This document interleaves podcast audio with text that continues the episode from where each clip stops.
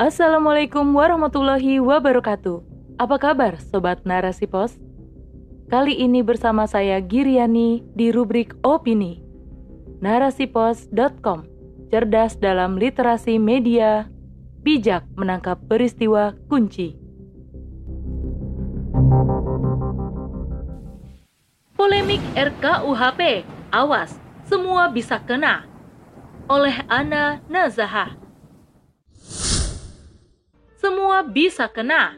Istilah ini menggema seiring sinyal pengesahan RUU KUHP yang dinilai minim sosialisasi dan terkesan sembunyi-sembunyi. Istilah ini muncul sebagai bentuk protes pembahasan draft RUU tersebut yang tidak melibatkan masyarakat. Lantas, kenapa hal ini dinilai bermasalah? Apa yang terjadi jika undang-undang ini disahkan? Mengingat kembali polemik Undang-Undang Informasi dan Transaksi Elektronik atau UU ITE yang menoreh kegaduhan sepanjang penerapannya. Pasal-pasal karet di dalamnya telah menjerat banyak korban dari mulai aktivis, jurnalis, akademisi, bahkan ibu rumah tangga. Tidak ada standar pasti untuk mengukur hak pendapat di ruang publik, melanggar atau tidak. Akibatnya, UU ITE malah melahirkan kezoliman dan ketidakadilan pada banyak pihak. Sebagaimana yang dilansir semua bisa kena.jaring.id, yakni sebuah website yang dikelola secara kolaboratif oleh PPMN, Jaring.id, SafeNet, dan Paku ITE. Menurut website tersebut, terdapat ratusan kasus yang menimpa rakyat akibat penyalahgunaan UU ITE ada beberapa kesaksian yang penulis sadur dari website tersebut. Pertama, kasus yang menimpa pengurus Dewan Pimpinan Daerah Advokasi Rakyat untuk Nusantara atau ARUN, yakni Iin Solihin, yang terjadi pada Januari 2021. Pada awalnya, Iin membantu warga menyomasi perusahaan properti yang memblokir akses ke pemakaman milik kelenteng Hantan Kong. Namun, tak lama berselang, ia dituding telah melanggar pasal 45 ayat 3 Undang-Undang Nomor 19 Tahun 2016 tentang perubahan atas Undang-Undang Nomor 11 Tahun 2008 tentang informasi dan transaksi elektronik karena mencemarkan nama baik. Anehnya, setelah empat bulan sejak ia dijadikan tersangka, tepatnya pada 21 Mei 2021, Majelis Hakim Pengadilan Negeri Cibinong menegaskan bahwa Iin tidak bersalah. Peristiwa ini semakin membuka mata kita. Hak-hak rakyat tampak jelas telah dicederai di sini. Kisah lainnya datang dari Benny Edward, seorang YouTuber dengan kontennya yang kerap menyorot pungutan liar atau pungli yang dilakukan polisi maupun petugas dinas perhubungan.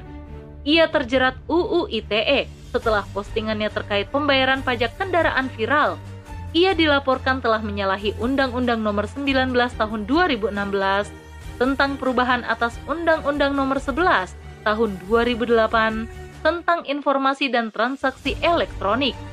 Benny harus mengalami penahanan, dugaan intimidasi, dan bahkan tindak kekerasan.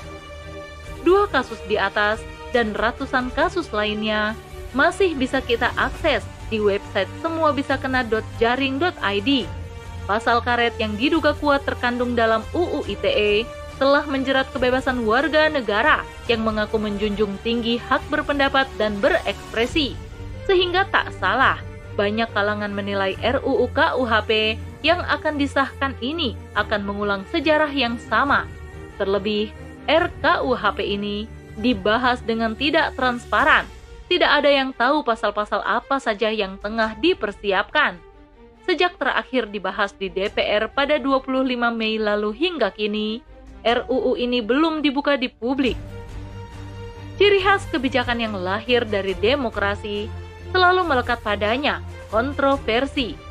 Segenap kebijakan yang lahir dari paham sekuler ini sering kali menimbulkan konflik dalam penerapannya. Tak terkecuali RUU KUHP yang saat ini berpolemik.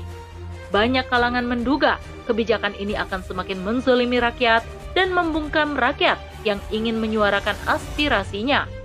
Tentunya hal ini bertentangan dengan jargon hak kebebasan berekspresi dan berpendapat yang selalu menjadi unggulan demokrasi. Slogan dari rakyat untuk rakyat nyatanya hanya pemanis oleh sistem yang berasal dari ideologi kufur ini.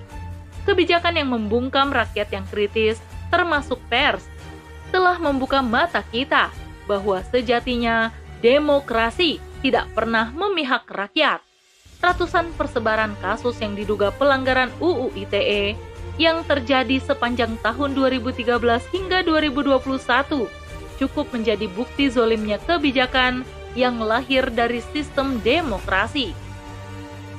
Dalam Islam, aktivitas mengoreksi penguasa adalah tugas paling mulia dan akan dijamin oleh negara pelaksanaannya tanpa mencederai hak-hak rakyat dalam menyampaikan aspirasinya rakyat diwajibkan melakukan koreksi pada penguasa apabila kebijakan penguasa dinilai menyimpang dari syariat Islam dan menimbulkan kezoliman. Rasulullah Shallallahu Alaihi Wasallam bersabda yang diriwayatkan oleh At-Tirmizi, Ibnu Majah, dan Ad-Dailami. Jihad yang paling utama adalah menyatakan keadilan di hadapan penguasa yang zolim. Begitulah, karena asas politik dalam Islam ada untuk memenuhi kebutuhan masyarakat. Penguasa adalah pelayan bagi rakyat yang bertanggung jawab untuk menjamin segala kebutuhan tersebut. Oleh karenanya, dalam politik Islam tidak akan ditemukan praktik piramida kekuasaan ala kapitalisme yang hari ini kita saksikan, di mana yang kuat menindas yang lemah. Karena dalam Islam, penguasa adalah pengurus segala urusan umat. Ia adalah roin atau pemimpin sekaligus junah atau perisai yang melindungi rakyat dari tindak kezaliman dan menghapus segala penderitaan. Sepanjang sejarah penerapan Islam, tidak kita temukan penguasa yang membuat kebijakan justru merugikan rakyatnya sendiri. Hal ini karena seluruh kebijakan yang Islam terapkan wajib bersumber dari wahyu Allah Subhanahu wa taala, bukan berdasarkan akal manusia. Syariat Allah inilah yang akan menghilangkan kemungkinan kezoliman oleh pejabat atau penguasa. Terlebih, penguasa dipilih bukan hanya untuk menjalankan fungsi dan tanggung jawab bagi rakyat saja. Lebih dari itu, pemimpin wajib bertanggung jawab penuh di hadapan Allah Subhanahu wa taala mengemban amanahnya dengan iman dan takwa. Khotimah Gagalnya fungsi kebijakan yang lahir dari rahim sekulerisme adalah sesuatu yang niscaya karena aturan sekuler lahir dari akal manusia yang kurang dan terbatas, rentan menimbulkan perselisihan, perbedaan, dan pertentangan. Karena itu, kita butuh aturan yang bersifat universal namun mampu menyatukan sesuai fitrah manusia dan tanpa mencederai hak-hak rakyat untuk kritis pada penguasa. Hanya Islam yang mampu memenuhi itu semua karena aturan Islam datangnya dari Allah pencipta manusia yang paling tahu apa yang terbaik bagi hamba-hambanya. Wallahu a'lam bishawab. Wassalamualaikum warahmatullahi wabarakatuh.